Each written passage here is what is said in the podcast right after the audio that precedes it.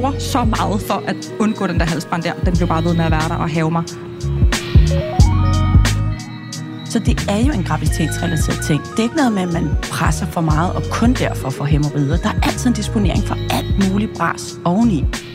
Jeg tror ikke, jeg sådan virkelig viste mine veninder, hvor dårligt jeg egentlig havde det.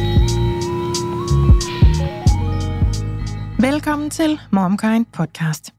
I dag der skal vi tale om den søde ventetid, når den måske faktisk slet ikke er så sød, som omgivelserne kan finde på at fortælle en gravid, at den er. Hvis man er plaget af de ordinære graviditetsgener, altså sådan noget som kvalme, væske i kroppen, karpaltunnelsyndrom, bækkensmerter og halsbrand til det punkt, at man næsten ikke kan nyde sin graviditet, eller man bare synes, at det da godt kan spolere hyggen en lille smule, så er det her altså afsnittet, hvor vi vender det i. Og det gør vi med et panel bestående af Anna Forkammer, der er vores dejlige jordmor fra jordmortid, med at tale Lehmann Rosvald. Ja. Ja, som jo er blevet gift og har fået et nyt navn, det skal Simpelthen. man jo lige huske. Og Silja Eriksen, velkommen til jer tre. Tak. Tusind tak. tak. En lille morstatus. Anna, skal vi starte over hos dig? Du er lidt ristet, ved Ja, det kan vi nemlig da sagtens. Ja, ja nemlig ja. en lidt ristet type. Jeg øh, føler mig som en øh, lidt træt travhest. en træt og stolt travhest, tror jeg, man kan sige, der bare egentlig har givet den fuld skrue. Vi har haft øh, nogle rigtig pivtravle måneder, både på privaten, hvor vi er to millimeter set i den store øh, centimeterbane fra at være færdige med at bygge et hus, Mm. mm. hvilket var vildt i sig selv. Ja. Så vi også kommet til at starte en scannisk klinik. Øh, og øh, så jeg har på en eller anden måde følt mig som, øh, ja, øh, som om, at jeg har været meget effektiv i min tid. Øh, I dag er jeg bare lidt grillet, for jeg har fået øh, zoneterapi en time i formiddag. Så hvis svarene kommer sådan lidt, oh, ja. Ja. så er derfor.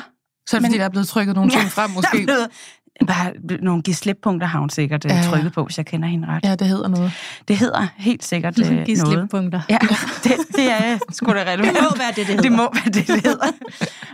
øh, ja, øh, så øh, det er sådan der, jeg er lige nu øh, meget taknemmelig over, at ja, vi må have lagt det værste bag os. Ja. og kan se frem imod øh, behagelige, milde, lyse tider. Så det er jo bare et godt sted at I være. et nyt hus. Også det. Og med en ny scannet-klinik. Ja, også det. Også det. så der, der er jo mange meget konkrete øh, succeser også. Det er meget, jeg laver, føler, jeg laver meget tydelige ting Mm. mm. lige for tiden. Jeg glemte helt at sige, du har jo Vera på 9 og Esther på 5. Det kan du ellers lige tro, jeg Det er jo morstatus. Ja, det er det. Og, og øh, hvis jeg skal nævne en ting, jeg kommer til at tænke på i forhold til det, så er det, at der er sket noget nyt for mig også. Øh, og det er, at øh, jeg er blevet noget nyt, som jeg tænker, jeg kommer til at være øh, i de næste mange år. Jeg er nemlig blevet pinlig. Nå, Vera synes, du er skide pinlig. Jeg synes, jeg er så sindssygt pinlig. Og det er begyndt at komme. Hun, er, hun fylder 10 om et halvt år. Øh, så hun er sådan midt i nieren. nieren. Ja. Øh, og jeg er så pinlig i alle mulige sammenhænge. Jo, selvfølgelig naturligvis. Hvad som den pinlige forælder. Jeg nynner i Rema, for eksempel. Ej, Godt for bedt. Ej, mor. Og hun bruger sådan, at hun er meget diskret. Så hun bruger sådan noget, at lave sådan noget ærmevrid. Og hun sådan hiver fat i mig og sådan kigger på mig med sådan nogle øjne, der virkelig er sådan, stop. Eller også så væser hun mellem, I ved, lukkede tænder. Ja. Stop, mor. Du er pinlig. Folk, de kigger. Ja, så jeg, det er noget med, at jeg ikke må sige for mange jokes med hendes klassekammerater, altså sådan til dem, når jeg afleverer hende om morgenen, og jeg ikke skal nynne offentlige steder. Især det med der hun en ting med.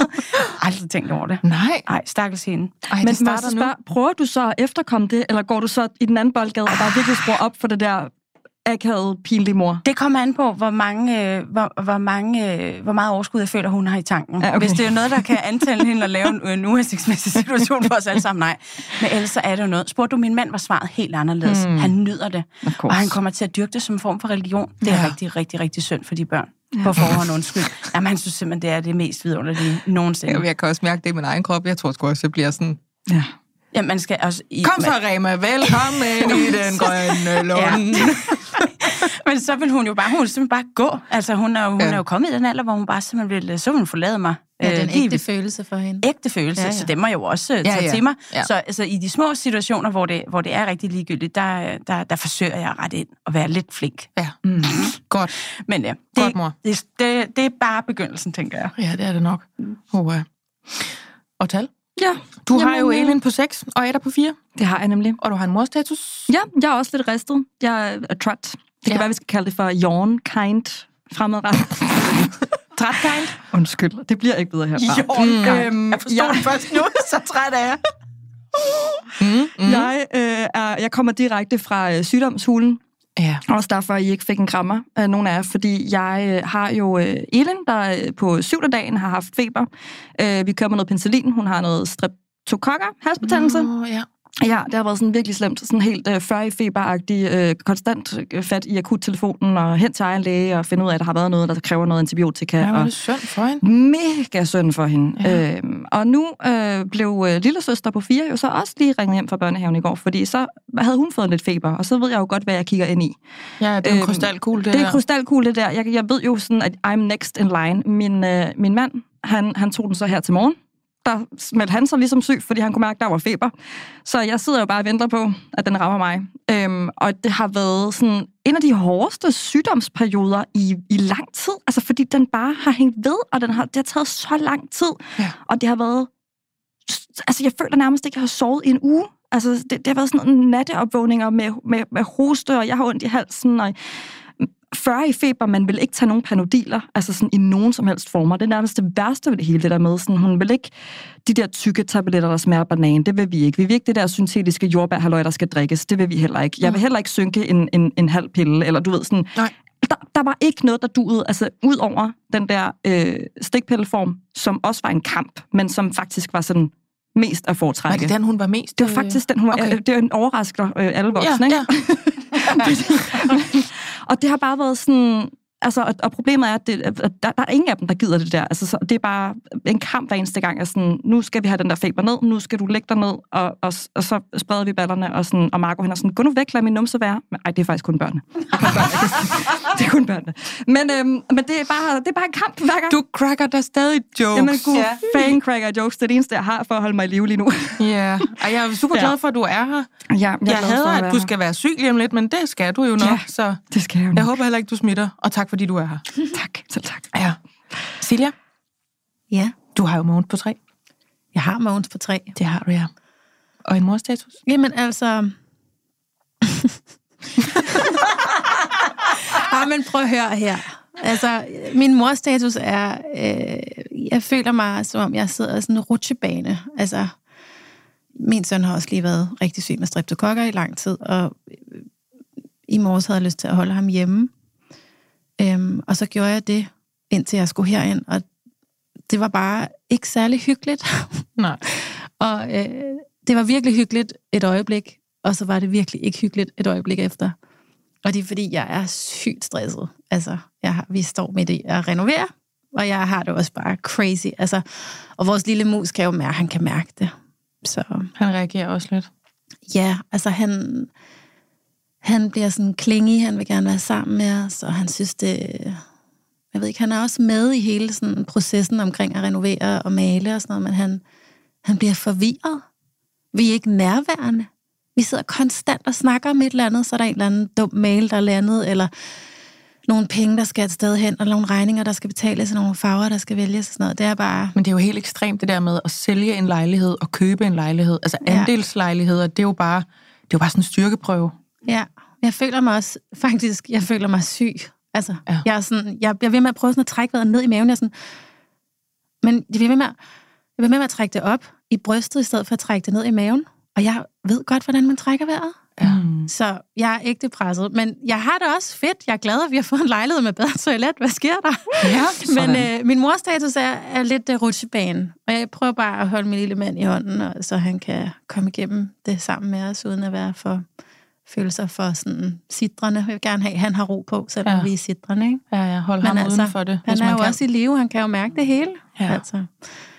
Ja. Jamen, jeg sidder jo og får lyst til, at vi øh, slukker for apparaterne her, og så går vi ned i en flekstrafik, og så kører vi ud på Skodsborg, fordi det er stressdamer, og det er nogle sygdomsdamer. Jeg er virkelig... Vi er bare sådan helt sort randet. Og Jamen, jeg er... Men ikke på en betingelse og tal for sit eget værelse. Ja, ja. Jeg, er- jeg er ekstremt glad for, at I er her, fordi I kunne meget vel ikke være her, når jeg hører de her morstatus. Altså, skud ud til jer, altså the real uh, Ej, MVP's men sig noget godt, mig, Britt, please. Jamen, det, det kan jeg sagtens. Altså, jeg er jo i den der del af livet, hvor jeg har ondt øh, sådan på en skæv måde om i ryggen, fordi jeg har ligget i nat øh, og på, til den ene side i min seng holdt om øh, min Ellen, som lige om lidt er tre år gammel, fordi hun var vågen, og hun var ked af det. Det kan jo være, fordi der er ved at vise sig noget sygdom. Det kan være hvad som helst. Det kan være en drøm, en indskydelse, måske bare noget, der sker op i det lille hoved, fordi hun udvikler sig. Så hende krammer jeg til den ene side, øh, og til den anden side ammer jeg. Men hvordan får du babsen derom? Det forstår jeg slet Jamen, de er blevet meget lange. de er blevet meget lange. Og det er jo en hjælp, når man har to børn, der gerne vil kramme sig. Kramme sammen. Fuldstændig. Øh, Så det der med at ligge i den der børnesandwich og bare mærke, jeg er så meget mor lige nu, Ja. som det nærmest kommer. Altså, du suger livselixier ud af min krop, imens jeg giver kærlighed til et lille, lidt skræmt menneske til den anden. Altså, Ja. total hardcore. Øh, og jeg er mega boss til det. Altså, Ej, jeg, øh, jeg, har, jeg har sgu styr på at have to børn. Det er også hårdere, end vi havde forestillet os, men vi vidste godt, at det ville blive hårdere, end vi kunne forestille os. Mm. Så vi er helt med. Øhm, men jeg, jeg er bare i den der, hvor jeg tænker, du godeste, hvor jeg dog mor. Fordi nu er det to børn. Øhm, og ja, man kan godt elske to mennesker lige meget, selvom man tror, det er umuligt, Ja. inden man får nummer to. Ikke? Så jeg føler mig lidt som en megamor. Det er jo ellers noget, jeg kun kalder folk med, med tre eller flere børn, men jeg føler mig som en megamor med lidt ondt i ryggen. Ja. Ja. Og så er jeg morstatus også, og jeg har glædet mig enormt til at se. Ja. Og i lige måde. Og det... Øh, Og tillykke med baby. Tak, tak. Mega tak. Jeg ville have givet dig sådan en lille øhm, sådan tillykke med babygave. Ja, Men altså, bare du ikke giver jelly, mig... en jelly, sådan en lille kanin, ja, sådan en lille, ja, kaninbamse. ja, ja, of course, en lille kanin. Så man har det den klart. derhjemme. klart. Ja, men, øh, men Så jeg kunne din gave til mig... Nej, så kunne din gave til mig blive, at du ikke gav mig streptokok. Jamen, det, det kan vi ikke aftale med sikkerhed. men lad os krydse fingre. Nu laver vi i hvert fald det her program om noget andet, der også er irriterende, eller decideret generende. Og det er jo altså de her graviditetsgener, som lidt kan tage pippet fra en i større eller mindre grad. Jeg har glædet mig til at komme. Det kan I ikke være i tvivl om. Vi laver det her program nu, som er Momkind Podcast. Og jeg hedder Majbrit Maria Lundgaard.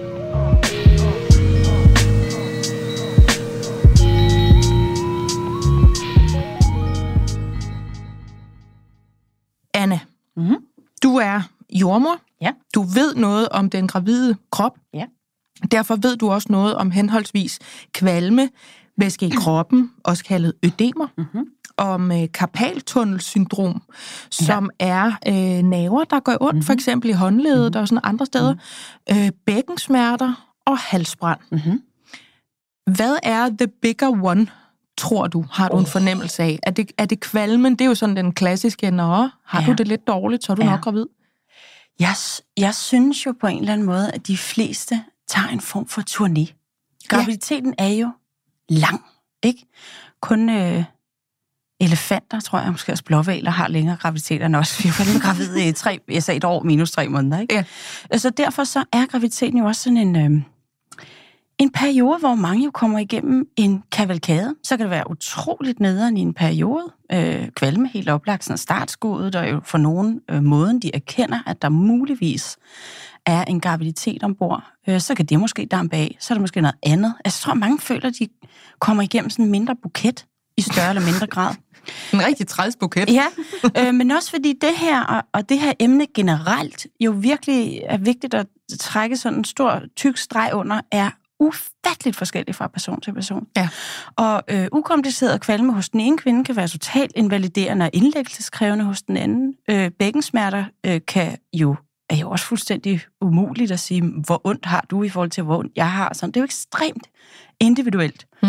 Øhm, men det er virkelig øh, noget, jeg sådan... Øh, altså det, det har... Øh, stort set alle har et eller andet, Ja, synes jeg, på ja. tavlen. Og i min klinik synes jeg, jeg gør et stort nummer ud af, for jeg synes generelt, kvinder er meget dygtige til at sige, ej, ved du hvad, så så jeg, så så jeg trillingeprogram, jeg har fundet ud af, at jeg har ægte problemer. Jeg har ikke ægte problemer, for nogen har meget, meget mere ondt end mig. Ja. Øh, men man har jo, øh, gud hjælpe mig, de problemer, man har. Øh, jeg synes, man har generelt en tendens i dette bedte kongerige til sådan måske lidt at, at negligere øh, sådan i, sådan, i almindelighed. Kan, man, kan nogen have en tendens til at negligere de her gener øh, lidt, som kan være ekstremt generende?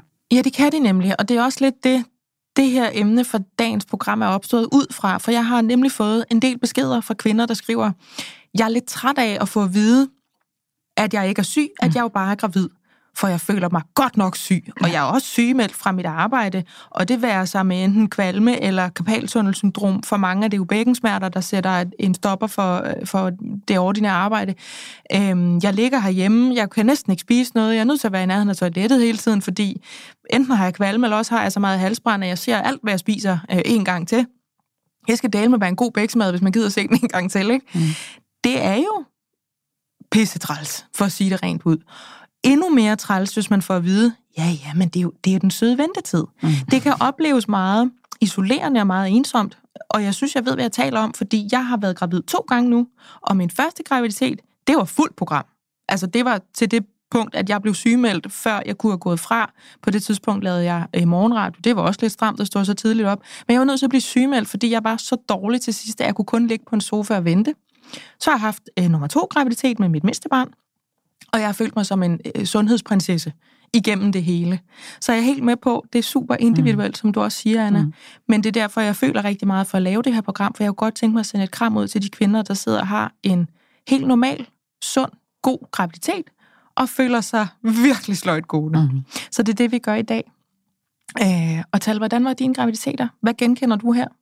Altså, jeg har lyst til at sige, at de var meget forskellige, men også meget ens på nogle punkter. Altså, øhm, noget af det, der kunne irritere mig allermest, det var netop, når der var en eller anden, der kom med den der, om graviditet, det er ikke nogen sygdom. Nej, det er 10 gange hårdere, øh, end at ligge ned med en omgang influenza i syv dage, skal jeg ellers lige så sige. Fordi det her, der kan du altså ikke bare lige tage en pille, og så lige få det øh, magisk bedre. Jeg var øh, også lidt kvalmeramt i starten, men gik sådan relativt hurtigt fri. Det, der til gengæld fyldte rigtig meget hos mig, det var for det første smerterne i kroppen. Altså sådan... Øh, jeg ved ikke, om det var muskelsmerter, eller om det sådan var bækkenbunden eller en stor øh, pærevælling af det hele, men jeg havde bare ondt sådan hele vejen fra ryggen og ned mod øh, vagina og ned i, til låret. Øhm, det var bare, det gjorde bare sindssygt ondt, altså ligegyldigt hvad jeg gjorde. Når jeg gik, når jeg ligesom sådan sad ned, når jeg bukkede mig ned, øhm, når jeg skulle cykle, når jeg skulle køre i bil, øhm, alt gjorde bare ondt. Øh, fik du hjælp? Var det noget, du fik at, fik at vide, jamen det er bare fordi din krop udvider sig, eller ja, ja, det... ja, det var sådan basically det, jeg fik at vide. Det er jo bare kroppen, der, der gør det, den skal, og så blev jeg ellers henvist til noget fys, som jeg skulle til, og så fik jeg sådan nogle lektier for, som jeg så skulle sidde og lave derhjemme, og det hjalp måske en lille smule, men det gjorde ikke, at det var væk med et trylleslag. Øhm, og til sidst så var det så slemt, at jeg sådan nærmest gik sådan helt pingvingang. Altså jeg kunne ikke sådan gå helt normalt. Jeg gik sådan, jamen jeg gik faktisk lidt som sådan en lille pingvin, og sådan lidt trippet øh, lidt frem og tilbage. Og der var på et tidspunkt, hvor jeg kommer hen til den der fysioterapeut, hvor jeg så møder en anden gravid, som der går på samme måde som mig. Nå. Og det var bare jeg tror, jeg tudede, dels fordi jeg var meget hormonel, men det var bare, så, det var bare sådan en lettelse at finde ud af, at det ikke bare var mig, der var sølle, det var ikke mig, der var forkert, eller det var mig, der var noget galt med, fordi jeg havde ikke set, at jeg havde ikke hørt om, at der var gravide, der ikke kunne gå, eller sådan, du ved, så, så anså jeg, om det er, fordi man har tvillinger, og man er sengeliggende, eller sådan et eller andet i den dur, men jeg vidste ikke, at det kunne være så hårdt for kroppen, at du rent faktisk ikke var i stand til at gå. Øhm, det gjorde så ondt, når jeg bare tog almindelige skridt, øhm, og så ser jeg en, der ligesom har det på samme måde som jeg, og det går op for en sådan, okay, det er bare fucking sindssygt, mm. og alle har det forskelligt, og det er ikke, fordi du har gjort noget forkert. Øhm, du er ikke forkert gravid? Jeg er ikke forkert gravid. Det er Nej. ikke, fordi jeg er dårlig til at være gravid. Det er Nej. bare sådan, det er. Øhm, noget af det, som der så generede mig, øh, ud over det, det var halsbranden. Ja. Øhm, og den havde jeg også i anden graviditet. I sådan en grad, at jeg kan få det helt dårligt bare at tænke over det. Ja. Shit, hvor har det fyldt meget. Altså sådan, det er nok det, der holder mig allermest fra nogensinde at få en træer det er den der halsbrand. Øhm, jeg vil 10 gange hellere tage alle de søvnløse nætter øhm, og arme problemer, jeg ved ikke hvad, men den der halsbrand der, den stod på i hele min graviditet, og til sidst så var det så slemt, at jeg kun kunne sidde oprejst og sove. Altså sådan, ikke bare eleveret med en pude, men decideret sidde helt oprejst op af sengegavlen. Vi snakker 90 grader. 90 grader og ja. sove. Ja. Øhm, og det der med at stå op om natten og tage de der skide tykke tabletter og alverdens ting, man havde fundet på apoteket, som sådan gav en lige nu og her lindring, mm. og så mm. var den der halsbrand bare tilbage igen en halv time senere. Ja, ja. Jeg sov så dårligt i de der måneder op til min, øh, min termin. Ja, det var forfærdeligt. Altså, jeg lå simpelthen og græd. Altså, salte tårer, fordi det gjorde så ondt. Og jeg prøvede at udskifte al min kost med basisfødevarer, som der ikke var, var syre. Og det, altså, det, det, jeg gjorde så meget for at undgå den der halsbrand der. Den blev bare ved med at være der og have mig. Og jeg var bare... Jeg, jeg skal huske, at jeg kiggede på Marco og sagde, hvis jeg nogensinde begynder at snakke om at få en træer, så please, bare sig ordet halsbrand. Ja. Jeg kan ikke. Gik det over ved et trylleslag, da du havde født? Ja, det gjorde det faktisk. Ja. Bum, sådan der. Ja, det er for vildt, ikke? Det er for vildt. Ja. Det er for vildt. Øhm, det gjorde min, sådan, mine smerter i kroppen gjorde ikke øh, nødvendigvis. Jeg har stadigvæk den dag i dag, altså her er seks år efter min første graviditet, stadig sådan ondt i ryggen og sådan skæv i ryggen, og kan godt mærke, at jeg sådan også har haft et eller andet i amningsprocessen, hvor man har siddet forkert, der har stadig ondt i skuldrene, og går Ja. stadig til massage og sådan noget, for ligesom at få det lindret lidt. Ikke? Så Jo. den, den, den, har været, den har været tof. Åh, oh, ja. Ja. Silja, din graviditet med Måns. Jamen, jeg, ja, jeg blev sådan bragt lidt tilbage, da du snakkede og tal. Fordi at, øh, jeg tror, sådan midt i andet trimester, der, der begyndte jeg at få bækkensmerter. Jeg tror egentlig, det er meget klassisk, men jeg følte mig sindssygt alene. Altså, Ja. øh, jeg havde ondt i symfysen, som er det sted, der sidder lige over din tidskone Kønsbensledet. kønsbensledet. Øhm, øh, det gjorde så pisseondt, jeg ikke kunne gå. Og så når jeg var udenfor, så gik jeg et par minutter, og så skulle jeg simpelthen sidde ned. Så jeg gik kun, hvor der var bænke. Og jeg gik ligesom at tale, sådan lidt øh, pingvinagtigt. Og så lå jeg virkelig meget ned. Øh, og var bare... Jeg, jeg havde sådan en lille depression, tror jeg. Jeg tror, sådan, der er sådan noget sådan helt isoleret i af ens krop. Man, man gør noget, som man gerne vil. Man vil gerne have et barn. Og så er det som om, at man bliver besat, ikke af graviditeten, men af ens krop ligesom bliver sådan ude af sig selv. Og sådan, jeg ved ikke, jeg følte mig, altså nu, jeg ved ikke, om jeg sådan har bevidst gjort det her, men da du sagde det der, Majbrit, med, at du var ikke en dårlig gravid, sådan, jeg følte mig som den dårligste gravide. I just gotta say. Altså, mm. jeg tror virkelig, det hørte med til sådan hele den mentale tilstand. Jeg tror faktisk, det er det, jeg synes, der, der er svært ved at tænke på en toer for mig. Det er det der med at skulle igennem det der. Jeg føler, at jeg forbereder mig på krig. Altså, Ja. med, også med mig selv, det der med sådan, hvordan skal jeg mentalt holde mig kørende, hvis jeg skal ligesom ligge på en sofa i i hvert fald fire måneder igen, og være så smertepræget. Jeg sad også op og sov, og jeg stoppede en uddannelse, jeg var i gang med. Jeg blev sygemeldt fra mit arbejde. Altså, jeg var nødt til, altså, jeg, jeg har aldrig kunne tage den der uddannelse færdig, så whatever, det er noget andet, men du ved, jeg, jeg mistede virkelig noget. Ja, Altså, ja. Og jeg tror sådan, ja, det, det, er virkelig, øh, det er virkelig en ting, det der med at blive isoleret og alene i sin krop, og ikke kunne genkende sig selv. Jeg elsker at bevæge mig, det tror jeg, vi er rigtig mange, der gør. Og sådan, jeg, jeg kunne slet ikke øh, styre det. Det blev bare sådan en mærkelig most ting. Altså, jeg var, jeg var helt færdig. Det så dårligt. Altså, ja. Virkelig. Ja. Jamen, jeg spejler jer begge to. Fordi jeg prøvede jo i min første graviditet, øhm, at der gik tre kvarter fra, at vi stod på stuegulvet øh, på Frederiksberg, og hoppede op og ned og sagde, juhu, juhu, det lykkedes, vi er gravide, og græde og glæde, og kan jeg huske, Michael, han skyndte sig ned på gaden, og så købte han sådan en af hver hos et lille bageri, en lille konditor, der lå nede på hjørnet, og købte nogle øh, smoothies, og så kom han op, og så satte han fra sin øh, smarte telefon ind til sin smarte trådløse højtaler, den der pregnant på med flæk. Ja. Og vi havde vidst i en time måske, at jeg var gravid, og så kom han op med de der snacks, fordi det skulle man jo have, når man var gravid. Altså, vi var lykkelige. Jeg bliver helt rørt, når jeg tænker på det, fordi det var simpelthen så dejligt. Var det første? Undskyld. Jeg, Det var første, ja. Det var med ja. Ellen. Det var Ellen, ja. Klip til to uger senere, hvor jeg skal sige til mig selv, så næsten inde i spejlet, sådan helt, altså kigge mig selv i øjnene og sige, du er gravid, det vil du gerne være, det her er okay, du er ikke meget syg, you got this girl, du kan godt det her, det er kun otte måneder mere. Altså sådan helt, Otte måneder, det er Jamen, bare en livstid. jeg skulle simpelthen snakke mig selv op, fordi jeg var så dårlig. Øh, vi gjorde også det, lidt apropos en morstatus i dag, øh, at vi overtog et hus øh, tre dage efter, jeg havde fundet ud af, at jeg var gravid. øh, hvilket betød, at jeg fik øh, lang tid på motorvejen til mit arbejde.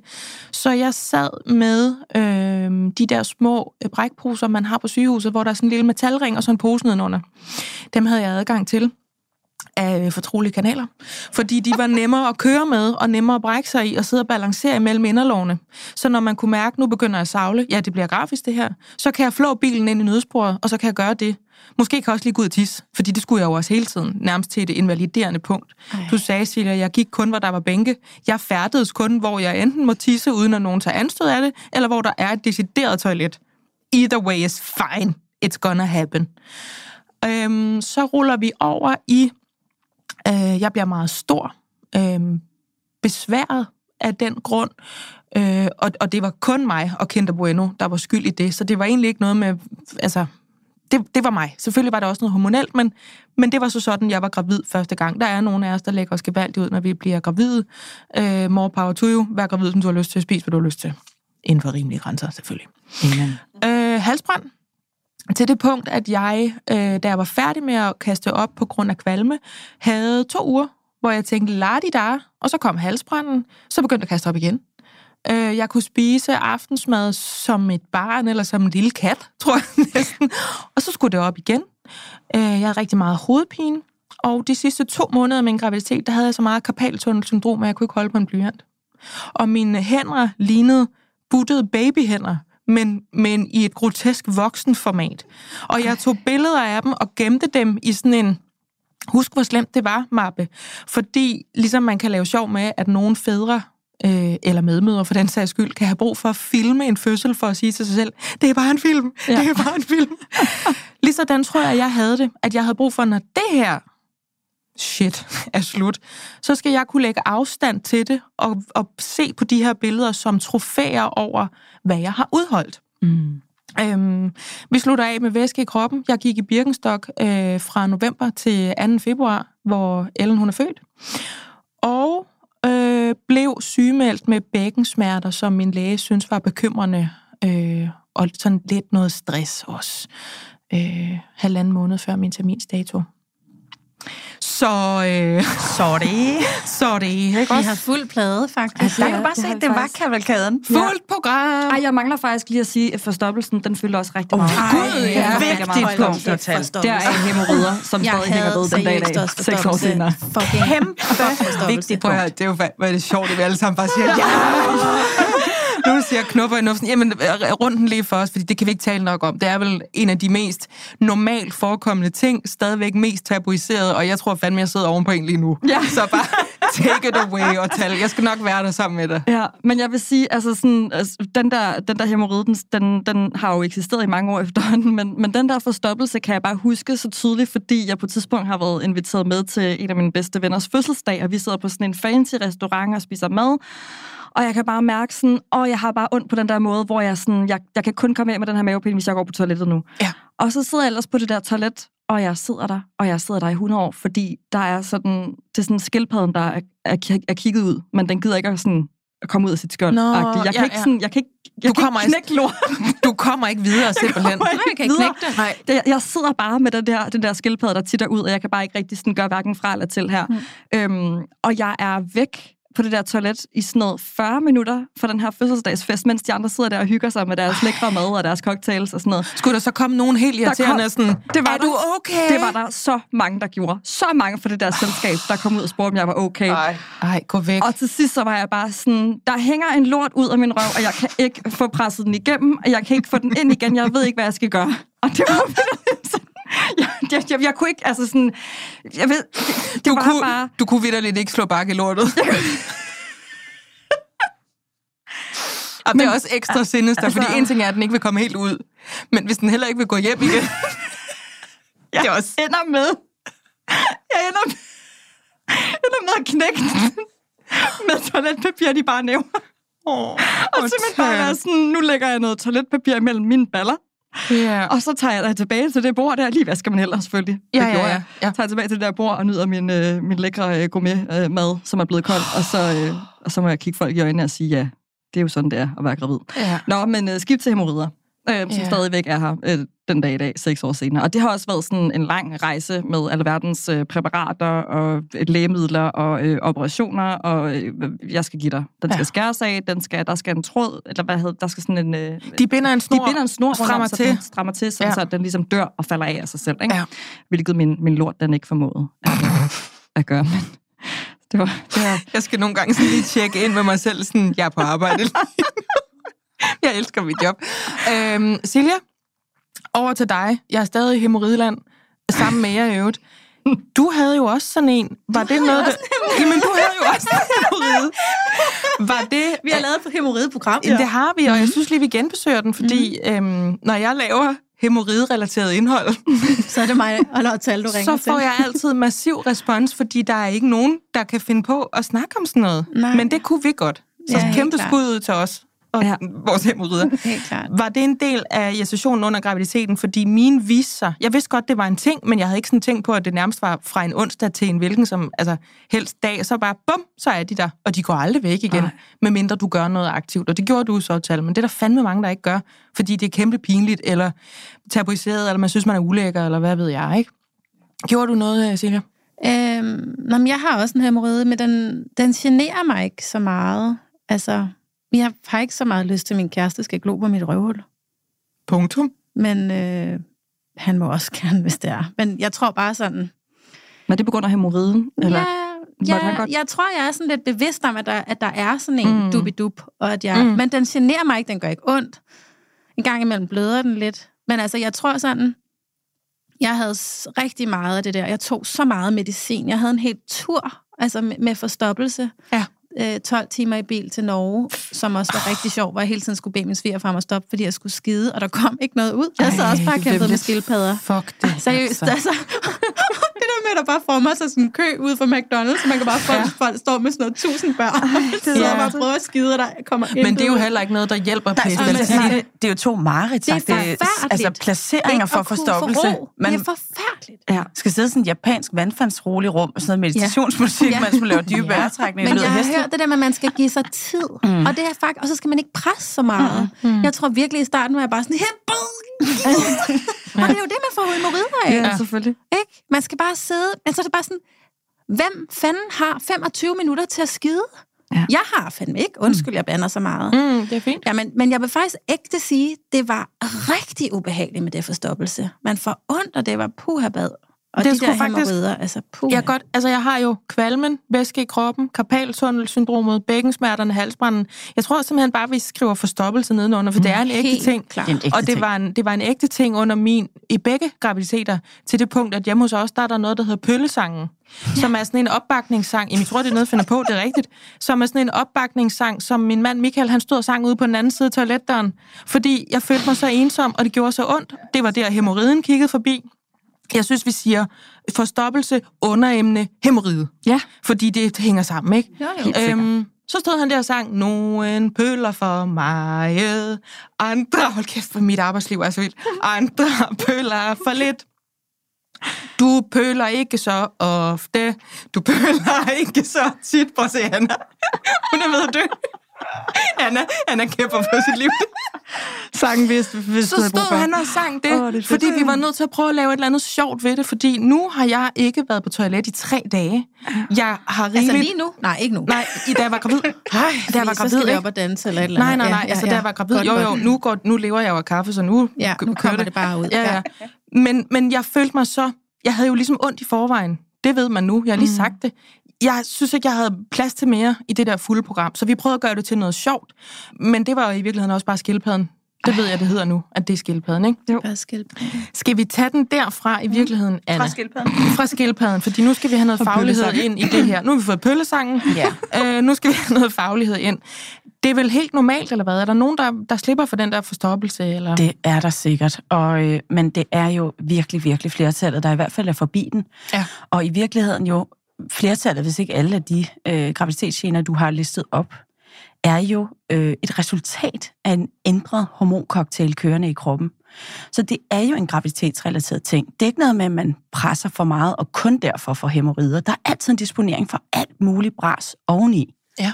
Øh, hormoner, som er vigtige for, at graviditeten kan foregå, men som desværre har en lang række møg-irriterende sideeffekter. Når man bliver gravid, får man øh, nogle andre øh, hormoner kørende i kroppen.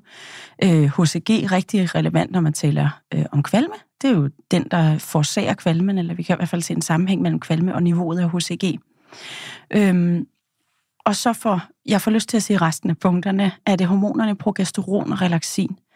Og progesteron er et helt øh, afgørende hormon for, at, at graviditeten i virkeligheden kan udvikle sig. Det er et hormon, som øh, afslapper glat muskulatur. Og det er altså et nøgleord for rigtig mange piv-irriterende ting. Øh, er det både peristaltikken og ja, halsbranden? præcis. Ja. Det er en doven øh, peristaltik, altså øh, muskulatur omkring tarmene. Det er en lyddoven lukkemuskulatur ned til øh, mavesækken, som øger tendensen til halsbrand. Øh, det er øh, det hormon, der gør, at man er evigheder om at få tisset færdigt. Ja. Altså simpelthen, den, der, er, der er simpelthen bare øh, så dårlig aktivitet øh, omkring det urinrør. Det bliver jo også længere, bare for at gøre tingene lidt mere øh, indviklet. Ja, ja. Det er det hormon, der gør, at væsken har, til svært ved, har svært ved at løbe tilbage øh, fra benene, og man derfor har sådan en, en tendens til at ophobe væske, især, øh, især ben og fødder. Øhm, så men det er helt afgørende, den der afslappning af den muskulatur er helt afgørende, for det er også den, der afslapper karne omkring øh, mod, øh, moderkagens blodkar.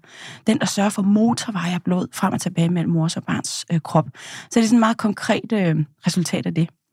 Øh, relaxin og ligeledes også sådan et afslappningshormon, der øh, man mener har en relation for nogen til øh, sådan graviditetsrelaterede bækkensmerter. Øh, relaxin er smart på den måde, at det blødgør ledene i bækkenet en smule. Virkelig smart, når man skal have måske 3,1 eller andet kilo passager ned igennem, at bækkenledene bliver endnu mere fleksible, at diametrene i bækkenet kan give sig endnu mere, når man skal føde. Møg irriterende for graviditeten, ja. hvor rigtig mange igen oplever en øget tendens, det er ikke alle, men mange, øh, til at få nas i bækkenet, øh, muskler, ligamenter, øh, led. Øhm, så det er sådan en, en meget konkret afledt effekt af nogle fuldstændig nødvendige ting for graviditeten.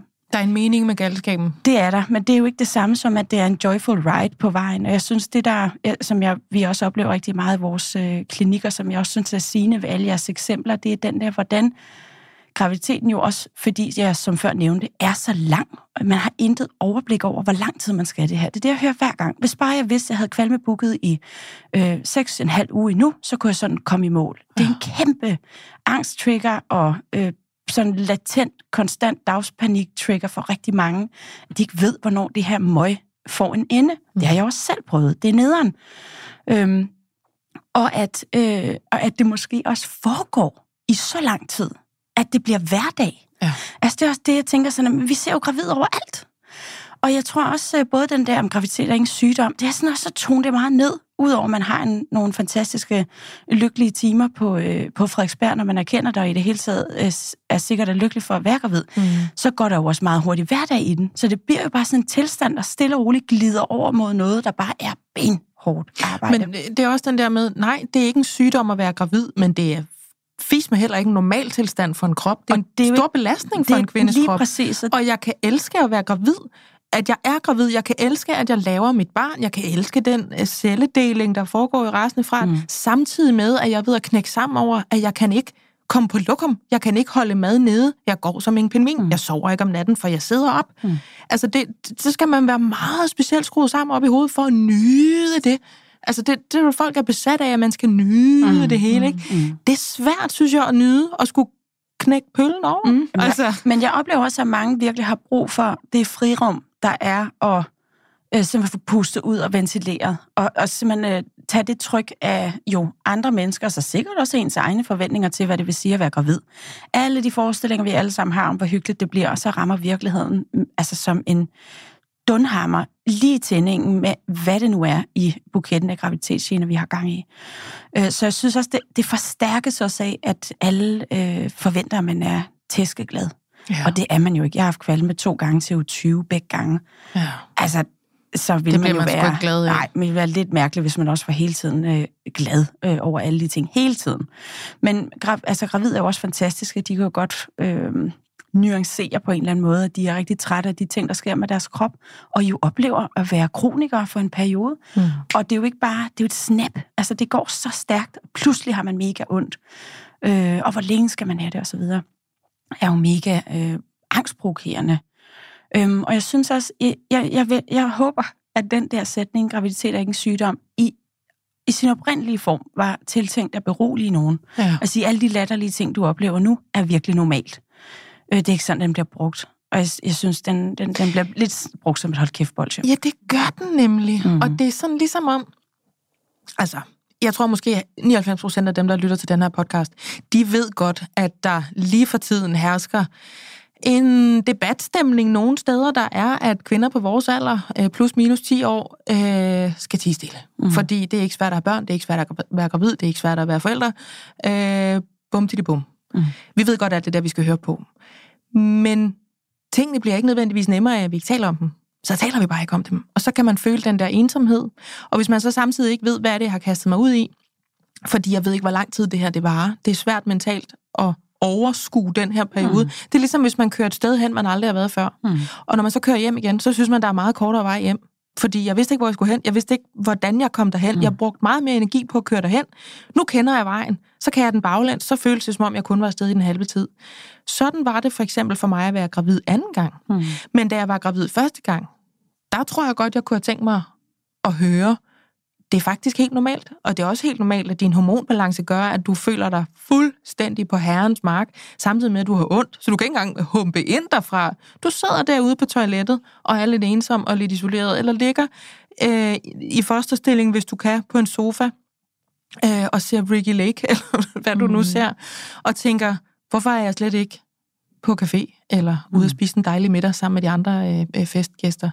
Ja, og så tror jeg også, noget af det, som jeg havde rigtig svært ved, det var nemlig at erkende, at jeg ikke kunne de samme ting, som jeg havde regnet med. Om det så var cafébesøg med vennerne, men også bare de der helt simple ting, som at tage til en børnefødselsdag i den nærmeste familie. Og det er sådan, okay, slap af, du skal sidde på en stol og spise kage. Ja. Lidt, ja men det er både sådan mentalt krævende for mig at skulle være der.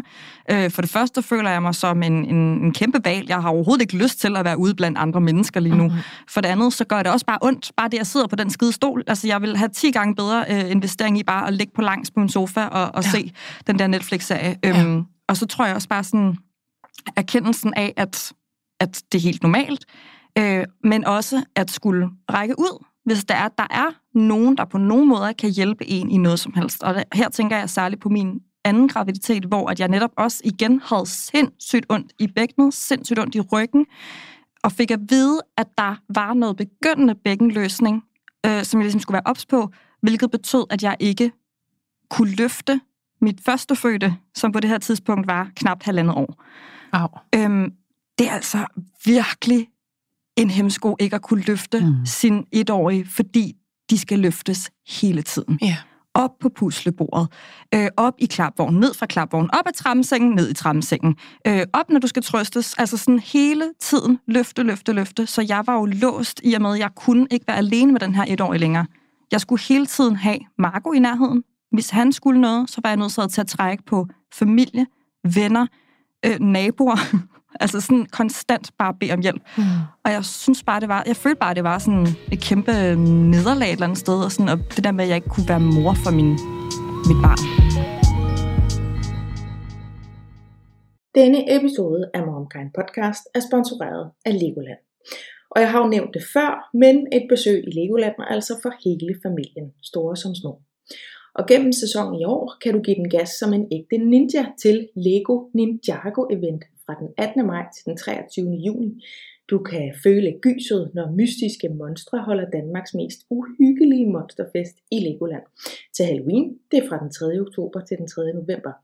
Eller du kan mærke julemagien med funklende julelys, sjove juleaktiviteter og et særligt drøs Lego julemagi fra den 29. november til den 31. december. Og tænker du nu, der er jo alt for meget at opleve på bare en dag, så er der råd for det. I kan nemlig overnatte på et sejt Lego-tematiseret værelse på det firestjernede hotel Legoland, eller I kan rykke tættere på naturen i en hyggelig hytte, eller ombord på et gyngende piratværelse i feriebyen Legoland Holiday Village. Byg familieminder for livet, book din billet eller ferie på legoland.dk, hvor du også kan finde alle de andre events og overnatningsmuligheder. Og tallet leder os egentlig fint videre øh, af listen her. Øh, nu blev der snakket om bækkener, og du sagde til mig, inden vi tændte mikrofonerne, vi kalder det faktisk ikke rigtig bækkenløsning mere. Mm. Vi siger smerter i bækkenet øh, relateret til graviditeten. Mm. Prøv lige at tage os igennem øh, den. Altså, for det første, jeg er ikke øh, fysioterapeut med speciale i det her. Jeg følger dem på sidelinjerne og hjælper i det omfang, jeg kan. Det her er et virkelig følsomt emne, tror jeg, for mange, øh, fordi at øh, jeg synes, bækkenløs, det ord bækkenløsning har meget været sådan definitionen af, om du har det her, er det her.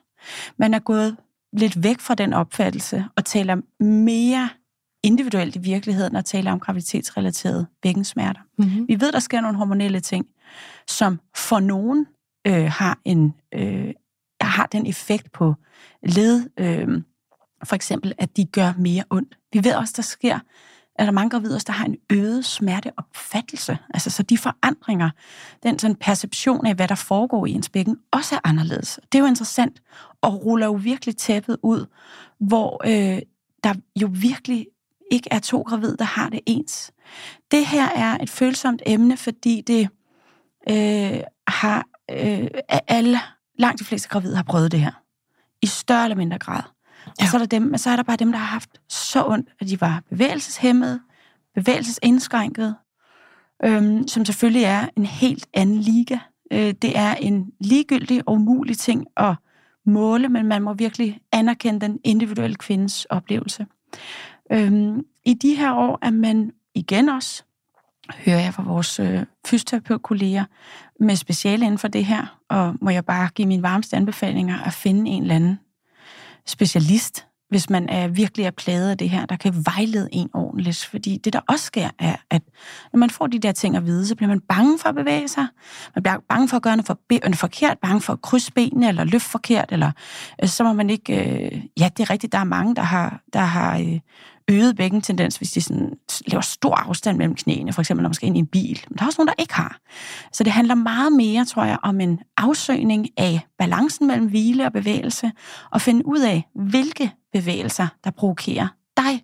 Vi er jo sjovt nok ikke ens. Og der kan være nogle generelle ting, nogle generelle råd, man kan bruge. Men man skal ikke være bange for at bevæge sig. Vi ved, at fysisk aktivitet er godt, men selvfølgelig skal man ikke overgøre det, så det forværrer ens øh, smerter. Så det er virkelig sådan en, det er en svær ting at sige noget, noget generelt om, som sådan rummer alle. Øhm, Men er det ikke også derfor, man er gået væk fra at sige bækkenløsning? Jo. Fordi det er ikke en one size fits all. Præcis. Hvis man siger bækkensmerter relateret til graviditet, så har man dem, der siger, uh, der var der lige noget, der gjorde lidt nalletår der, ja.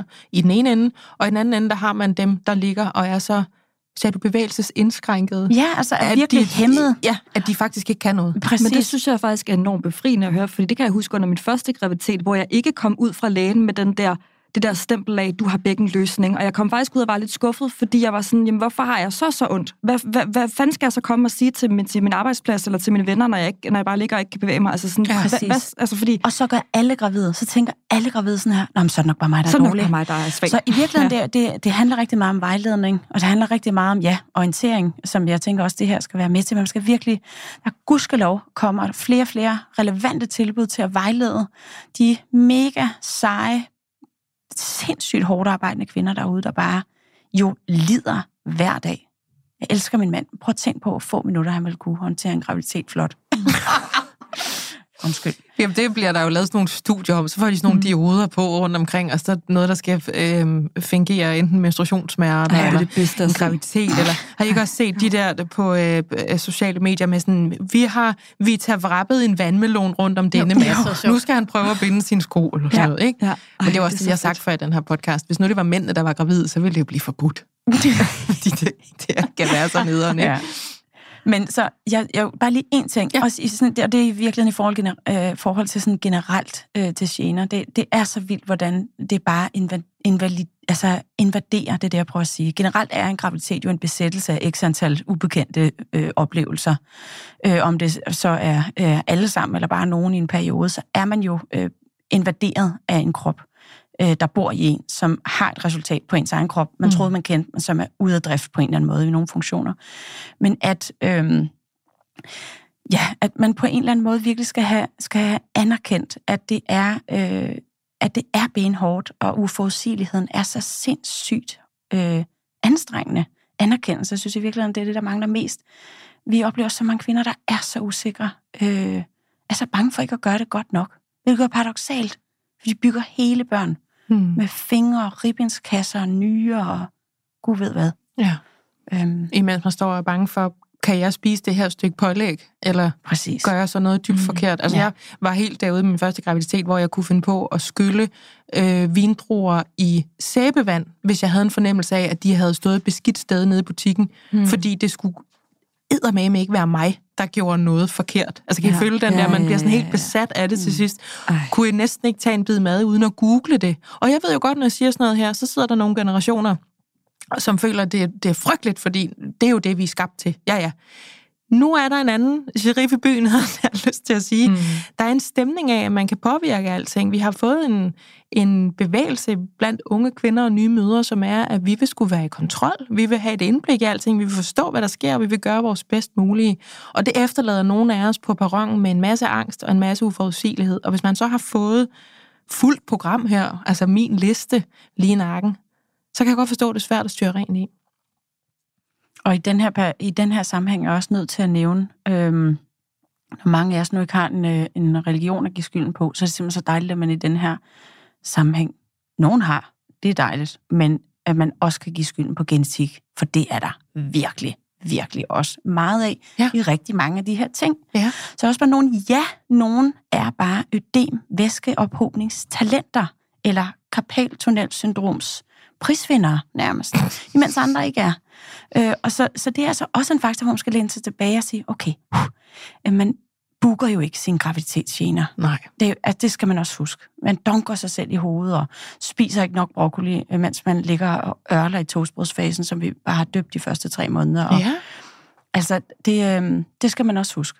Gud, hvor sjovt, du siger toastbrødsfasen. Jeg Ja. præcis med, ja, jeg kan kun holde synet af et stykke ristet brød mm. ud, og det skal Mm. du muligvis også gå væk med. Ja. Ja. Præcis. Ej, Toast, alt, alt hvidt. Ja. Helt kolde, Ja. hvide, kogte ris og kolde kartofler. Og, og Kedelige kulhydrater på en eller anden måde. Kedelig det kulhydrat. Kan, ja, det kan jeg overskue. KK-perioden. Ja, præcis. Det må du godt bruge. Mm, tak. Øh, Silja, jeg sagde jo før, at jeg kunne finde på at stå og se mig selv i øjnene inde i spejlet, og sådan sige, du kan godt det her, du gør det godt, du bygger et barn, det er meningen, du vil gerne være gravid, fordi mine hormoner og min fysik slyngede mig rundt i lokalet, følte jeg. Jeg kunne næsten ikke finde ud af, hvad der var op og ned. Hvad gjorde du for at cope?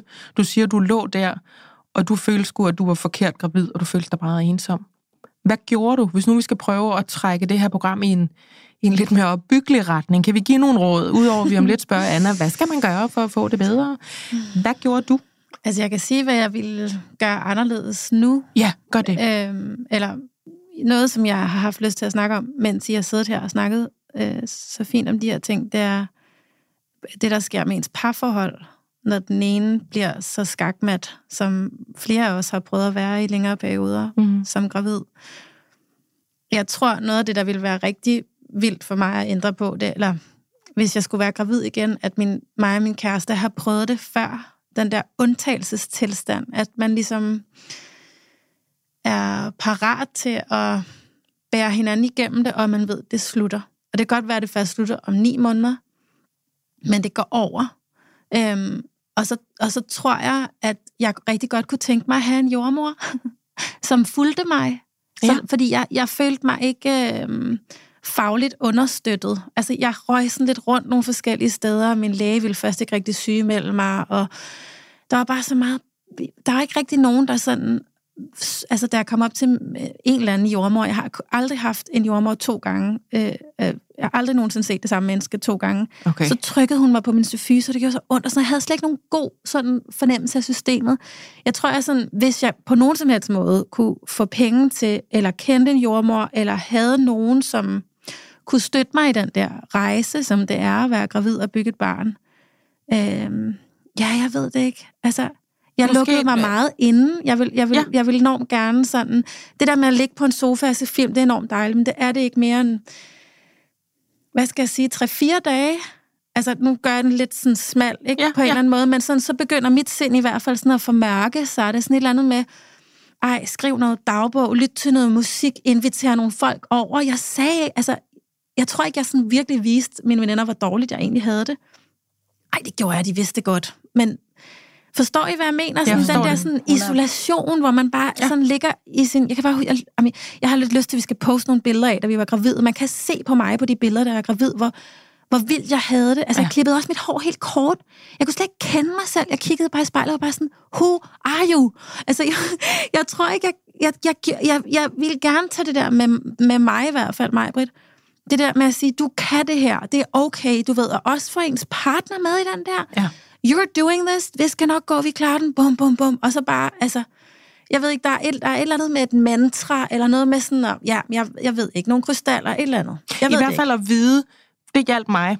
Øh, og det kunne jeg først tænke anden gang. Første gang var jeg bare helt på, på herrens mark, og mine hormoner stak alle vejen og sådan noget. Men det der med at vide, det går over. ikke. Ja, det er jo gaven ved anden gang. ikke? Fuldstændig. Ja. Og det er lige så vel som, hvis man kigger ned på øh, øh, barn nummer to og ser det der tantrum, så ved man godt, det går over. Mm. Det ved man også godt med hovedet med første barn eller med første graviditet, men man ved det ikke med kroppen. Mm. Man ved det simpelthen ikke med kroppen endnu, fordi man er så overvældet over, gud, jeg kan kun ligge her og se TV3. Og så er det netop, hvis man lige låner nogen et øjebliksbillede. Ej, du ligger jo i jeres skønne flydersofa mm. og spiser sour cream chips og ser TV3. Det er da dejligt. Nej, det er ikke dejligt. Jeg kan slet ikke, jeg kan ikke kende mig selv længere. Jeg kan ikke være med til noget længere, og jeg er smertepåvirket. Mm. Og, og altså, mine hormoner siger til mig, at jeg ikke engang er mig længere. Og det synes jeg bare er... Det fortjener sgu en samtale. Mm. Til trods for, at det er naturligt at være gravid, og ikke en sygdom. Det ved vi godt. Altså, det er helt klart den mentale, undskyld, jeg lige brød, men det er den mentale, jeg vil arbejde på. Jeg vil ikke kunne arbejde, hvis jeg får den samme gravid, øh, graviditet igen i dag. Hvis jeg gjorde det, så ville jeg ikke kunne gøre noget ved det, andet end at opsøge folk, der kunne støtte mig. Ja. Altså, det er den mentale ting, jeg gerne ville sådan Ja, hvordan du tager det. til. Ja. Altså, helt klart også måske at bevæge mig lidt mere, men jeg havde fandme mig så ondt, altså. Præcis. Øhm, sorry. Skal overhovedet ikke, sorry. Anna, jeg skal lige være sikker på, om vi har holdt, hvad vi har lovet. øh, væske i kroppen, Mm-hmm. Den har vi lidt været omkring. Kan Ja. du lige måske bare rise op, hvorfor er det, at man til sidst ligner Michelin-manden, og ja. Vi ser folk, der har altså hud, der gror ud igennem Birkenstock-sandalerne i de sidste par måneder? Bulefoden. Fuldstændig, mm. fordi jeg lignede en bajonskænke Ja. til sidst. I alt, en hvad flot ballonskænk. Ja, ja, men det, det, var jo, det var jo godt nok. Altså, alt var jo godt. Ja, bare, Det var ikke bare- særlig morsomt Det at var hænge bare ud i, vel? grotesk, ja. altså, og jeg Ja. ja. kunne fandme ikke... Jeg skrev ikke med tæerne, men altså alt hævede. Jeg kunne ikke Ja. holde på en blyant. Ja, igen, genetik. Jeg har altså et kæmpe ødemtalent og var topgeneret især til sidst, øh, som du også beskriver. Og ødemer følger for nogen jo også med karpaltunnelsyndrom, som jeg nok skal sige et par øh, få ord om lige om et øjeblik. Mm-hmm. Øh, gravide har øh, generelt en tendens til at suge mere væske til deres krop. Man er ikke helt sikker på, hvorfor. Men det, øh, det gør kroppen for langt de fleste op til fødslen især. Ja. Øh, Så er der også andre, der gør det over en meget lang periode, øh, og bare er sådan lidt med et ansigt med ansigtet på. Så er der det med benene. Øh, det skyldes blandt andet de øh, hormoner, vi talte om før. Øh, væske og, og blod for øvrigt jo, har simpelthen bare svært ved at komme tilbage. Så kan man lave venepumpeøvelser, ligge med stængerne op, holde vandretspauser i løbet af dagen osv. Strømper, man kan tage på, der er helt stramme. Kompressionsstrømpen, Ja. øhm, som er også øh, kan være en rigtig god ting. Øhm, akupunktur virker for nogen. Øh, sådan noget øh, ligge i vand, øh, som en svømmehal. Mm. Mm. Svømmehal eller ligge i vand kan det jo, at den fjerner den næste superdisponerende ting for ødemer, øh, nemlig øh, den basketbold, man har siddende lige midt på maven, som jo også bare er sådan en spærre, Ja. Øh, for at væsken frit kan løbe tilbage. Så altså cirkulationen er også udfordret af en baby med tilhørende accessories. Nu siger jeg lige noget lynhurtigt. Ja. Da jeg var højgravid og havde vand i hele kroppen, og netop gerne ville i svømmehal, fordi så blev jeg ligesom øh, afhjulpet med selv at skulle holde vægten. Så blev jeg vægtløs i et øjeblik. Det var dejligt. Så var jeg i vandet i 10 minutter ad gangen, og så skulle jeg op og tisse. Ja. Så var jeg i vandet i 10 minutter ad gangen, og så skulle jeg op og tisse. Altså helt vildt. Og så var der nogen, der sagde til mig, det er jo fordi, at det bliver tappet af, når Muligvis. du er dernede. Ja. Er det en røver, eller er den god nok? Super godt spørgsmål. Jeg er ikke øh, ødem PhD, men man kunne sagtens forestille sig, at det pres på vævet på en eller anden måde øh, tvinger væsken væk. Vi ved Ja. også, at nogen kan regulere noget. Øh, sådan noget sukker virker, at fjerne sukker virker for nogen, øh, fordi sukker kan også trække væske til vævet. Øh, nedsat saltmængde i, væd, i maden og sådan noget Ja. virker også for nogen. Øh, Okay. Kedeligt. Røvkedeligt. Bare spis ikke din, tips din er løse hvide ris, og bare skam dig, og Ja. bare sid inde på toilettet og vent Ja. på din termin. Se, der Man må simpelthen- en kæmpe vandperson. Ingen salt og sukker. Værsgo. vandperson. Ja, det er flot. Øhm, og så er der simpelthen jo nogen, der også lige krydder den øh, næste niveau med karpaltunnelsyndrom. Hvad siger man det? Mig. mig også, øh, som er øh, tror jeg for dem, der aldrig har hørt om det før, et chok. At det er ikke det, der står på side 1 i graviditetsbogen. Øh, det er også øh, grundet øget væske øh, i kroppen, øh, og er øh, sovende, prikkende, summende, eventuelt føleforstyrrelser i hænderne. Øh, rigtig tit værst i en side, men sådan godt kørende øh, tit i Ja, begge. ja. Nogen, som undertegnet, krydder den også med sådan smerter op ad armen. Det, der er særligt diabolsk ved øh, karpaltunnelsyndrom, er, at det tit er værst om natten, hvor ledene sådan ligger stille. Mm-hmm. Så ikke engang der har man, ikke engang der har man helle. Nej. Øh, og det skyldes simpelthen væske, væske øh, der presser på de nervebaner, der løber i den såkaldte karpaltunnel, som er sådan en sene knogletunnel, der løber ved, øh, ved håndroden. Øh, og den, den er man også bare udstyret forskelligt med. Jeg kan huske at jeg engang øh, mødte en gravid, der havde det fra... Vi havde en gravid til akupunkturbehandling i vores klinik, der havde det fra uge 22. Nej. Og, og alle hendes bedsteforældre var opereret for det. Så der er også en, Ja. en tendens. Øh, Hun Man forventede kan det nærmest. simpelthen opereres. det er der nogen, der bliver, ja. Og nogen i graviditeten, altså det, så skal det virkelig være vildt at jo blive ved, som et, som et, et, et generelt er, er kirurger, ægte har jeg hørt meget lidt øh, glade for at operere i hænder og fødder. Det er rigtig vanskeligt at operere der. Det skal jo slet ikke handle om nu, men, øh, men det er bare for at sige, det, det er også en ting. Altså nogen går jo øh, med armskinne, eller kan, nogen kan slå det ned med igen akupunktur, eller med udstrækker arme, overkrop, skuldre, øh, er også virkelig relevant. Massage kan også øh, tage noget. Kulde hjælp for mig. Øh, jeg sov øh, med hænderne i vandbad øh, om natten, sådan noget isvand. Så er man træt og presset i hænderne. Eller som min største treat var til sidst bare at lægge begge arme ind i køleskabet, og så stå der og lægge den på midterhylden. Den var sådan ryddet til armen. Nej, hvor lyder det Ja, sindssygt. men det er, man bliver også en lille bit smule bims, når man jo vågner op med de der helt stive poter, der ikke kan få et låg af en, flas, altså en mælkekarton, eller så man bliver simpelthen træt. Men graviditet er jo ikke en Nej, sygdom. altså, der kom bare glædet til resultatet. Siger jeg lige her helt, øh, ja, irriterende. Men man er jo syg. Det der er jo... Det der er jo ikke- Det er jo, altså... Nej, det, præcis. ved- hvad skal man kalde det for Belast, egentlig? rigtig, rigtig, rigtig, rigtig Men generet. hvorfor må vi ikke... Jeg ved, det Ja, men det er også, det er også, men det er fordi, at det kommer af noget spontant ukompliceret. Jeg kan heller ikke lide at kalde graviditeten sygdom. Det er ikke det, Helt jeg advokerer for. Men at anerkende, at det simpelthen er en elitesport. Mhm. Mm-hmm. Øh, Men det er jo ikke graviditeten, der er en sygdom. Det er Nej. Øh, Syndrom. syndromet, der du er kan kalde det en graviditetsgene Altså- eller lidelse, og så bare sådan lige forsøge at finde lidt mere potent ord for den situation. Ja. Ja. Ja, eller i hvert fald bare lytte, når der er nogen, mm. øh, der siger, jeg har ligget i fosterstilling i tre uger nu derhjemme. Mm. Jeg kan mærke, at mit sind formørket, jeg føler mig isoleret, mm. og det hjælper ikke sådan overordnet på min tilstand, at jeg får at vide fra højre og fra venstre, Nej. du er jo ikke syg. Men Fordi jeg kan ikke kende mig selv, fordi jeg er så besværet, og jeg har det så ubehageligt, både mentalt og fysisk. Men jeg synes også sådan hele den her, når man taler om den her mentale ting, der absolut jo er så sigende for det her, hvor hårdt det er at kæmpe sig igennem uge og uge og uge og månedsvis af de her så ubehagelige ting. Øhm, jeg tænker også sådan, at det er så let at være glad på andres vegne. Det er det jo for os alle sammen, og vi gør det alle sammen. Er lykkelige på hinandens vegne over, at de venter barn, og hvor glædeligt det er. Men man må bare ikke lade det være dagsorden et, ens egen op- og kørenhed, lalle glæde over, at andre også avler. Øh, så må man simpelthen jo, ja, som du siger, sætte sig ned og tjekke ind helt åbent, øh, og koncentrere sig om øh, at høre på de der måltoner, der også er for langt de fleste øh, i længere eller kortere perioder end en graviditet. Det er simpelthen den vigtigste kunstart. Hørt. øh, en januarnat, da jeg var højgravid med mit første barn, og den der karpaltunnelsyndrom, den holdt mig vågen. Jeg følte, det var ligesom, jeg havde boksehandsker på, øh, som både var følelsesløse, men gjorde virkelig ondt, og der var ild i dem, og jeg kunne ikke bruge dem. Altså, det var fuldstændig bonkers, og det var i begge hænder. Øh, så jeg bliver hævet ud som sådan en stedig hund i slud, øh, regn, snevejr. Jeg tror, at klokken er halv fem om natten. Fordi nu skal vi ud og gå, så jeg kan få gang i blodcirkulationen, imens jeg laver venepumper og går og græder. Jeg kan se os udefra, hvordan Michaelsen trækker afsted med mig som en træt gammel stedhund, fordi jeg kunne... Jamen, man kan grine af det nu. Åh, Det er, det er noget af det mest elendige, jeg har ja. ja. haft det. Øh, så jo, man kan...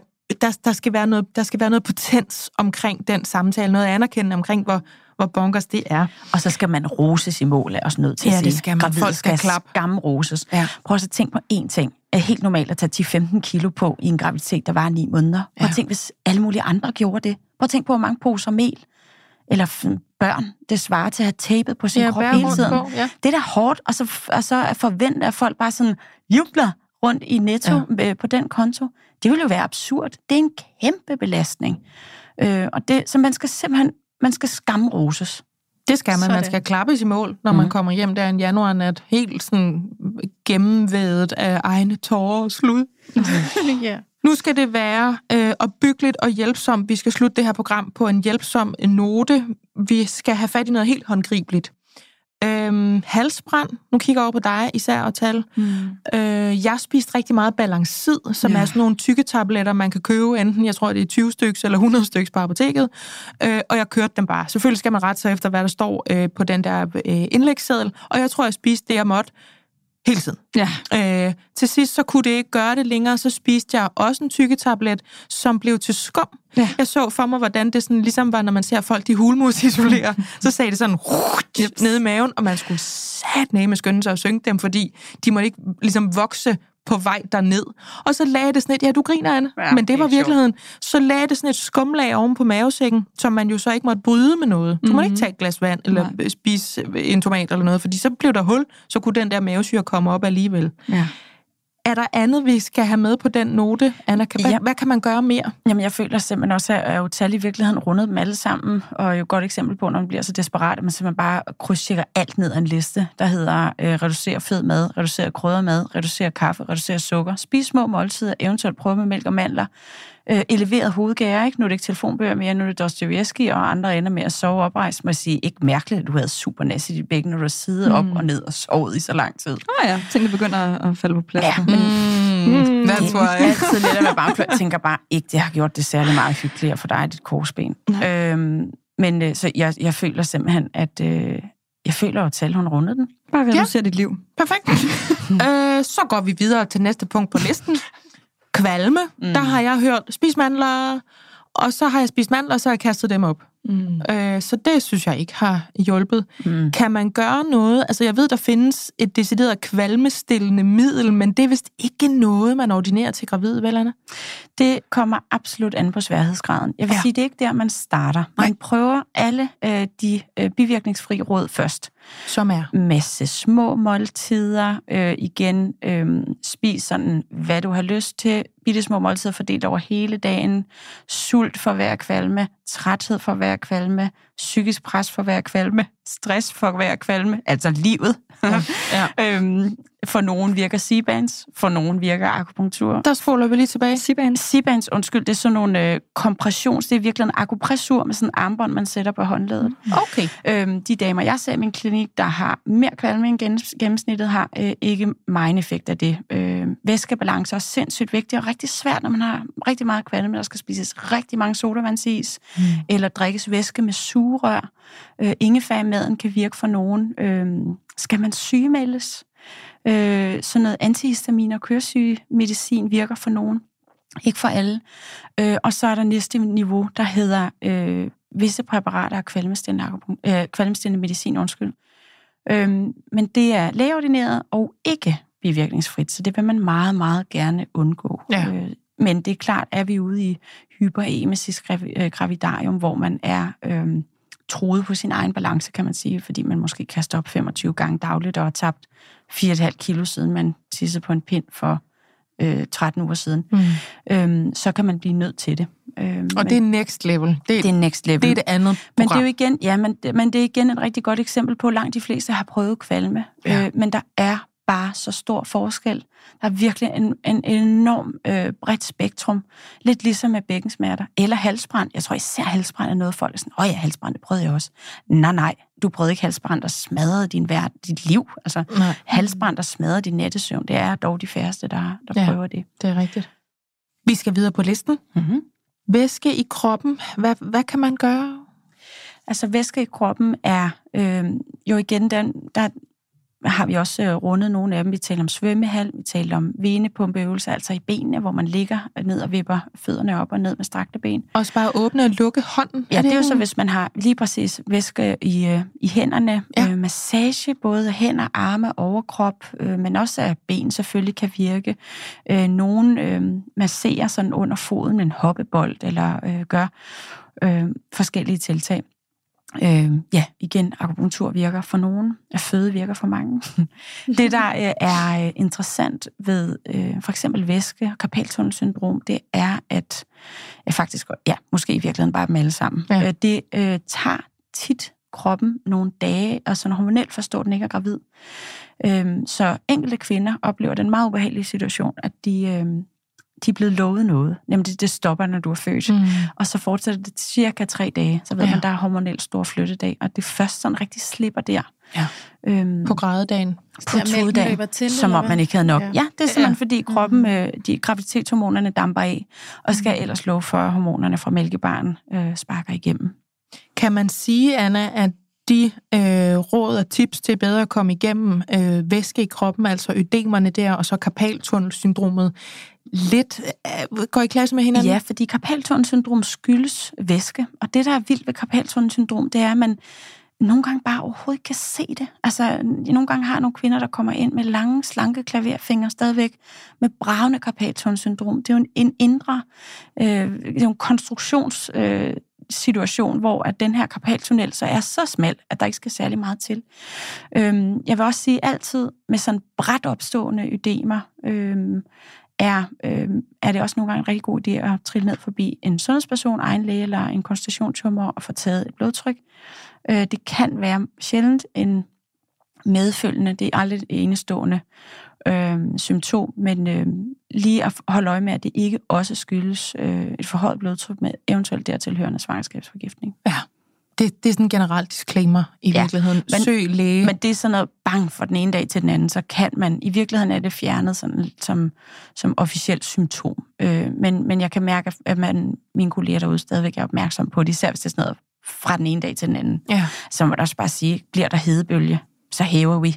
Ja. Øh, så kan vi så heldigvis også rigtig tit bare nøjes med en klipklapper og en sommerkjole og en, og en gnidelårsfri buks. Kartoffelmel kan godt gøre noget Kartoffelmel på de inderlov der. ja. Har jeg hørt. Anna, så er der den sidste, ja. øh, vi lige skal runde her. Ja. I den opbyggelige og hjælpsomme afslutning på det her program. Ja. Kan man gøre noget ved de bækkensmerter der, udover at lægge sig ned? Altså, øh, man skal virkelig være opmærksom på, hvad, øh, hvornår det er værst. Er der noget, der udløser det? Er det øh, måske det mest udfordrende for et bækken at sidde stille på en kontorstol? Kan man gøre noget i løbet af dagen? Kan man lægge sig ned for en sofa ind på ens arbejde? Være den kollega, der sidder og bouncer på pilatesbold i kontorlandskabet? Øhm, igen, vægtløshed kan hjælpe for nogen. Akupunktur kan hjælpe for nogen. Massage, hvis det er muskulært. Øh, fjern det? Nej, men det der er, det der er, med al sandsynlighed ikke, men det der er specielt ved bækkensmerter, synes jeg, det er, at det tit kan være rigtig træls i en periode. Sådan måske midt i graviditeten. Lidt midt over halvvejs. Ja. Øhm, og så pludselig blive lidt bedre. Altså, så det er ikke sådan, det er ikke, øh, for det første hænger det, vi ved, at det ikke hænger sammen med niveau af relaxin. Vi reagerer, vi reagerer ekstremt forskelligt på det. Øhm, og, men det hænger heller ikke sammen med nødvendigvis den sådan mekaniske tyngde, der er på.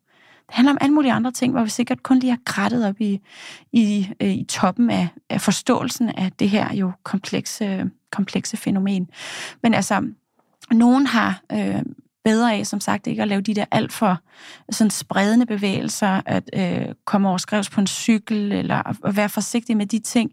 Men det er jo kun, hvis det er det, der er generende, især hvis kønsbenet er irriteret. Øhm, så, så det vil være utrolig forskelligt, hvad der, hvad der lindrer. Så et generelt tip eller råd kan være, hvis du synes, du er virkelig meget øh, smertepræget og generet, så er du formentlig det. Ja, Det skal du ikke bare per Nej. automatik finde dig i. Det må du gerne gøre noget ved. ja. Men og jo- tage alvorligt selv i første omgang. Og for nogen den bedre pille, at det er en ting, de er nødt til at lære at kende. Men jeg synes lige præcis, bækkensmerter er også ligesom mange andre ting, sådan virkelig dem, der bliver virkelig jo så autodidakt Ph.D. i bækkensmerter, desværre i graviditeten, Mm. bliver jo også bedre til at navigere i det og stole på, om nu kan jeg lige dosere det. Nu kan jeg gå herned, så ved jeg, at jeg skal sidde en halv time med en varmpude. Det er Ja. jo fuldstændig røvsygt. Ja. Men, men øh, på den måde kan man måske sådan holde det på et, øh, et udholdeligt niveau af nederen. Fagudtrykket Mm. er nederen. Mm. Jamen, øhm, altså, jeg vil gerne aflevere mit bedste tip, øh, hvis man sidder derude og hører det her, og er voldsomt plade på den ene eller på den anden måde. Jeg har insisteret på blandt venner og familie bare at ligge ned. Ja. Altså sådan, så må I skubbe en skål hen foran mig, som om jeg var en lille træt hund. Fordi jeg er gravid, så jeg ligger ned. Så kan godt være, at du bliver 45, og vi holder fest, og nogen har skjort, strøget en skjorte og sådan noget. Men jeg ligger ned. Ja. Så må du trille mig hen til bordet, eller I må sidde rundt om mig. Eller, altså det, det, sådan kan det lade sig gøre, for sådan kan jeg deltage, sådan kan jeg være i det her rum. Fordi alternativet er, at jeg ligger ned i et andet rum, og ikke er sammen med jer. Ja. Så det er mit bedste tip. Det er sådan egentlig over en bred kamp, og bare sådan være unapologetic omkring, jeg og min krop er i en situation, der er en belastning for mig. Det skal nok gå over. Ja, jeg er rigtig glad for at være gravid, og jeg ligger ned. Og hvad går du så og laver? Hvor var det, jeg har været hen på sommerferie? Siger jeg så helt liggende, og stadigvæk totalt ikke undskyldende. Med kind, der hænger ud af munden. Ja, præcis, man kendte på endnu i hele masken. Ja, jeg tror, at meget i forlængelse af det, så vil det også være mit tip, sådan lidt kombineret med, at man skal simpelthen acceptere, at barn den bare er sat rigtig lavt. Jeg tror sådan på det tidspunkt, hvor jeg sådan accepterer, at nu kan jeg ikke noget, jeg kan ikke tage på arbejde, jeg har simpelthen for ondt til bare at gå. Øh, jeg skal ligge ned og slappe af. Øhm, så tror jeg alligevel, at jeg sad med den der lidt dårlig samvittighed af sådan, jamen jeg skal jo ikke noget. Burde jeg så ikke også? Er det ikke lige netop nu, lige inden babyen kommer, at jeg så faktisk skal skynde mig at få styr på alle de ting, der skal styr på? Altså få købt alt det der skide øh, babytøj, der mangler. Få, få redebygget, få, få købt de der lyserøde øh, billeder, som hun kan sidde og kigge på. Altså du ved, sådan alle de der små ting, sådan, jeg, jeg rendte fandme frem og tilbage til pakkeshop og Ja. det ene og det andet, fordi jeg tænkte sådan, jamen, hvad skal jeg ellers lave? Nu har jeg ligesom sådan tiden til det. Nu er det nu, jeg burde læse alle de der bøger om, om, om babyer og opdragelse, og jeg ved ikke hvad. Så sådan, i virkeligheden bare lige sænk barn og acceptere, at det er okay, at du laver nul og en dyt. For du laver faktisk noget, du laver et menneske. Jeg laver et menneske. Ja. Silja, har vi et tip? Det er også tavligt. Ah. Jamen, Ja. I, havde, I har bare begge to sådan dit lidt ja. og så bare sådan, åh, over til hende, den helt trætte. så vi også, jeg godt høre dit jeg, geniale Jeg sidder sammen med jer, øh, møder mange børn, og jeg ønsker mig stadig et barn mere, og jeg sidder bare og tænker, hmm, så skal det her igen. Jeg kan da ikke overskue det. Jeg, jeg, altså, jeg synes, I sagde det så fint. Accepter det, og at der, altså, altså jeg, jeg, jeg, jeg, har det meget sådan, søg hjælp. Find ja. hænder. Altså, find varme hænder. Ja. Det er så Sørg for at rigtigt. være sammen med mennesker, som du holder af, og som, Jeg synes, du som havde kan- noget flot i den der med, opad. at dig og Ras var sammen om, at du lavede det barn. Ja. Ja. Altså, der er den der holdmentalitet. Ikke fordi man skal skrige, se hvad jeg gør for os, hver gang manden åbner øjnene eller går forbi. Men, Men lidt. Altså, det er et helt program for mig, det der. Ja. Det kan vi skrive ned, fordi Ja. det, øh, min mand har sagt mange spændende ting til mig, da jeg var gravid, på den måde, som jeg var gravid. Og det er altså, men helt klart, Ja. hold følelsen. Altså, Ja. den, jeg håber sådan, vi kan fremmane den, hvis jeg skal være gravid. Og jeg håber sådan, at vi har gjort en lille positiv forskel for nogen, der lytter til det her program og sidder og tænker, hvad er det her for noget? Det kan da ikke være rigtigt. Det er jo, det er jo ikke en sygdom at være gravid, og alligevel så føler jeg mig lidt sløjeren. Så lyt øh, til det her igen og igen ind til terminsdatoen, hvor du altså ikke skal tro, at det er bare slut det hele, fordi som Anna hun siger, det kan godt vare lidt længere måske. Det gjorde det faktisk for mig. Mm. Det er bare så ikke, vi får, får sagt den der sætning med, det hjælper også at føde, for den mm. hørte jeg nemlig også, og så blev jeg rasende inde i, i barselssengen, da det så ikke var det, der skete. Må jeg ikke lige skynde mig til for en lille ting Jo. øh, til, til det lavpraktiske her? Øh, til skildpadden. jeg erfarede jo, at der ud over det der loppefrøskaller, sådan noget husk, som der ligesom gør maven ja. lidt mere lind, Det samler pøllerne lidt. så fandt jeg ud af, at for at hjælpe den her skildpadde ud af sit skjold, så kan du med fordel lige, lige døbe din lillefinger i lidt olie. Det er Lad det være olivenolie eller jobaolie. Eller hvad kokosolie. Kokosolie. Og så bare lige smør endetarmsåbningen. Bare sådan helt mildt og blidt. Så ikke en chiliolie. Eller tryk. Chiliolie. Altså, så, fordi så, så, er der ligesom, så glider det hele bare lidt nemmere ud. Det skal i hvert fald ikke Glideolie. være det, der holder det tilbage. Det er i hvert fald ikke det. Jamen, det synes jeg også er et godt tip. Øhm, jeg synes også, det er en fin note at slutte på. og det her, det var jo øhm, et panel bestående af Anna Forkammer, som er vores dejlige jordmor fra jordmortid, og Tal Lehmann Rosvald. God tips. Ja, tak. Øh, jeg har lært skildpadden at kende. Det giver totalt god mening. Det er 100% en skildpadde. ja. Der er bare ikke været ud af det skjold. og så var det Silja Eriksen. Jeg hedder mig Maria Lundgaard. Og det her, det var Momkind Podcast.